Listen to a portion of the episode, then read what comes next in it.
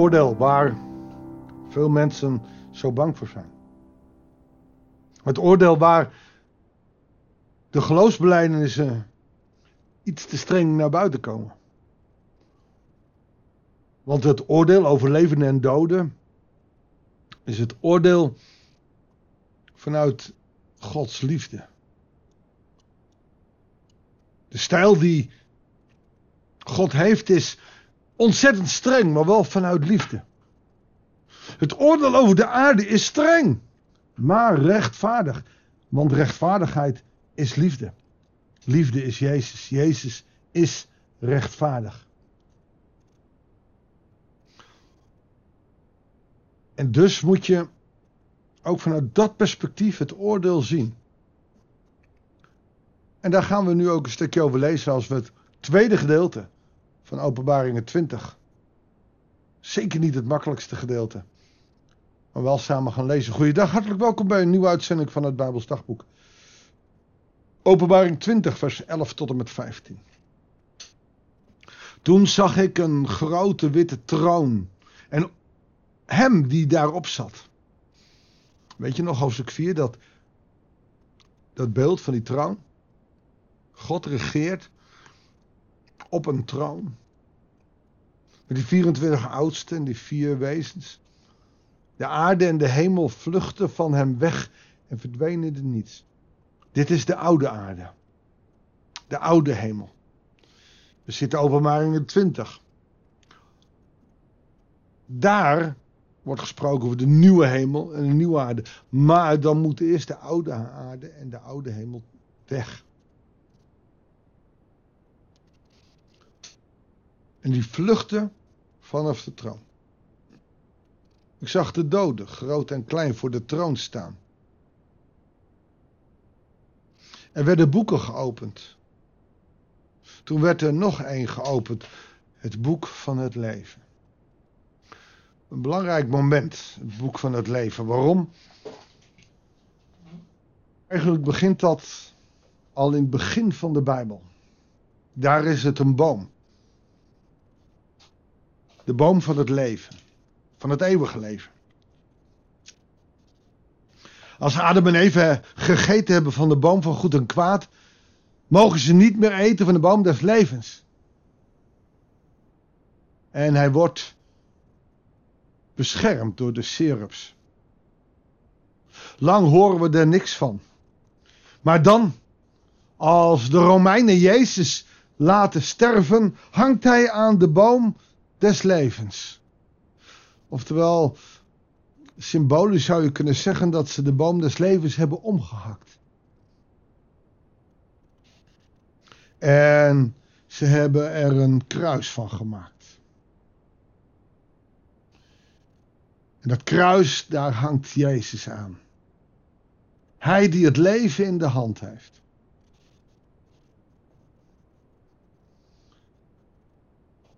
Nadat hij is opgestaan, zou je kunnen zeggen dat die boom versnipperd is. En wat maak je van hout? Papier. En de boom des levens werd het kruis des levens. In openbaringen werd het het boek des levens. We hebben gelezen in hoofdstuk 1, 2 en 3 dat Johannes op een gegeven moment het boek des levens niet mocht inzien, maar moest eten. Het leven moet je leven. En wat erin staat, wat de toekomst is, dat is aan de Heer. En iets van die toekomst heeft Hij ons gegeven. En Hij blijft ons bemoedigen. Het boek des levens, waar zo gezegd iedereen in staat die gered zal worden. De doden werden op grond van wat in de boeken stond geoordeeld naar hun daden. Interessant is om te ontdekken wat hier de daden zijn. We weten dat het niet om de werken van de wet gaat, niet om wat je moet doen, maar op grond van het DNA van Christus moeten wij veranderen.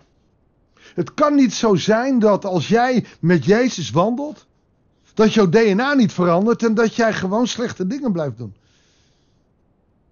Hoe meer van je DNA van Christus hebt, hoe meer je met hem wandelt, hoe meer je het bloed van Christus aanvaardt die jou reinigt,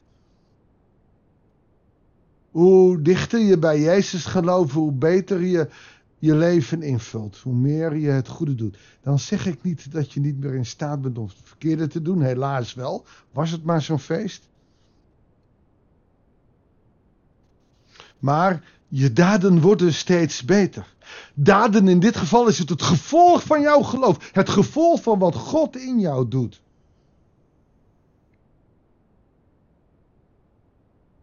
Dus niet de werken van de wet, oftewel het gaat niet om wat je allemaal gedaan hebt, maar het gaat om wat je vanuit Christus gedaan hebt. De zee stond de doden die ze in zich had af. En ook de dood en het dodenrijk stonden hun doden af.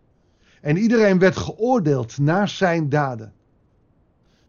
Toen werden de dood en het dodenrijk in de vuurpoel gegooid. Oftewel, alle mensen die uit het dodenrijk zijn gehaald, in de zee ook staat voor de dood. Iedereen die dood is, komt te staan voor het oordeel, het eindoordeel. En vervolgens worden daarna de Satan in de, de, de laatste vuurpoel. Dit is de tweede dood, de vuurpoel. Wie niet in het boek van het leven bleek te staan, werd in de vuurpoel gegooid. Nou is daar ook wel een misverstand over. In heel veel kerken was het nou, je, je moest in het boek staan, het moest je maar gegeven zijn.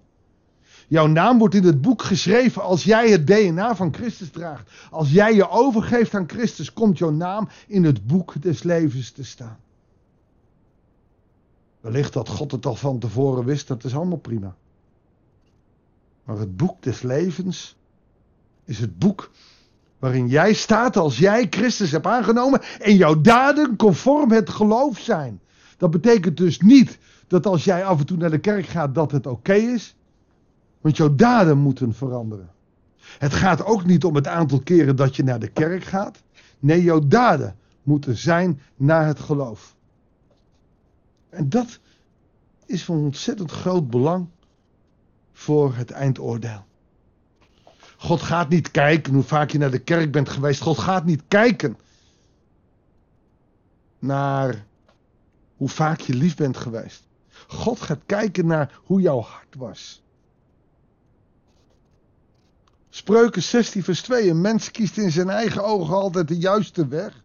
God ziet het hart aan. Is jouw hart, dat is bij ons dat bloedige ding wat klopt, is dat vervuld met het DNA van Christus? Is jouw leven vervuld met het DNA van Christus? Wandelen met God, een gelovend leven is jouw DNA, is jouw bloedlijn vullen met dat DNA. En daarop word je geoordeeld. Niet op alle goede daden die je gedaan hebt, maar op het DNA. Want vanuit dat DNA doe je goede dingen. De dood en het dodenrijk zullen vereenzelvigd worden.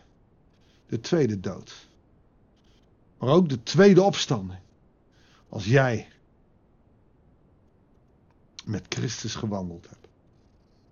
Mag ik voor je bidden? Heere God, zo vlak voor dat einde. Vlak voor er een nieuwe hemel en een nieuwe aarde zal zijn. Trouwe God en Vader zien we dat u oordeelt de levenden en de doden in liefde, in rechtvaardigheid, in Christus. Te makkelijk zeggen wij wel eens dat u door de bril van Jezus kijkt. Toch zult u wel oordelen.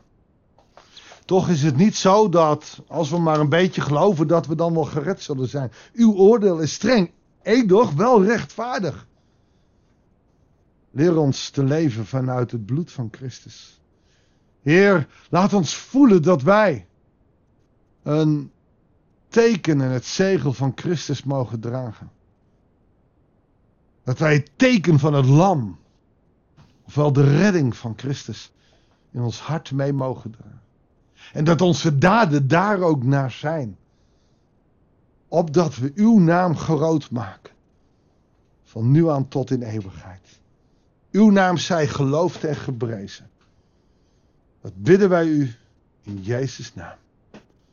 Amen. Dankjewel voor het luisteren. Ik wens je God zegen en heel graag tot de volgende uitzending van het Bijbels Dagboek.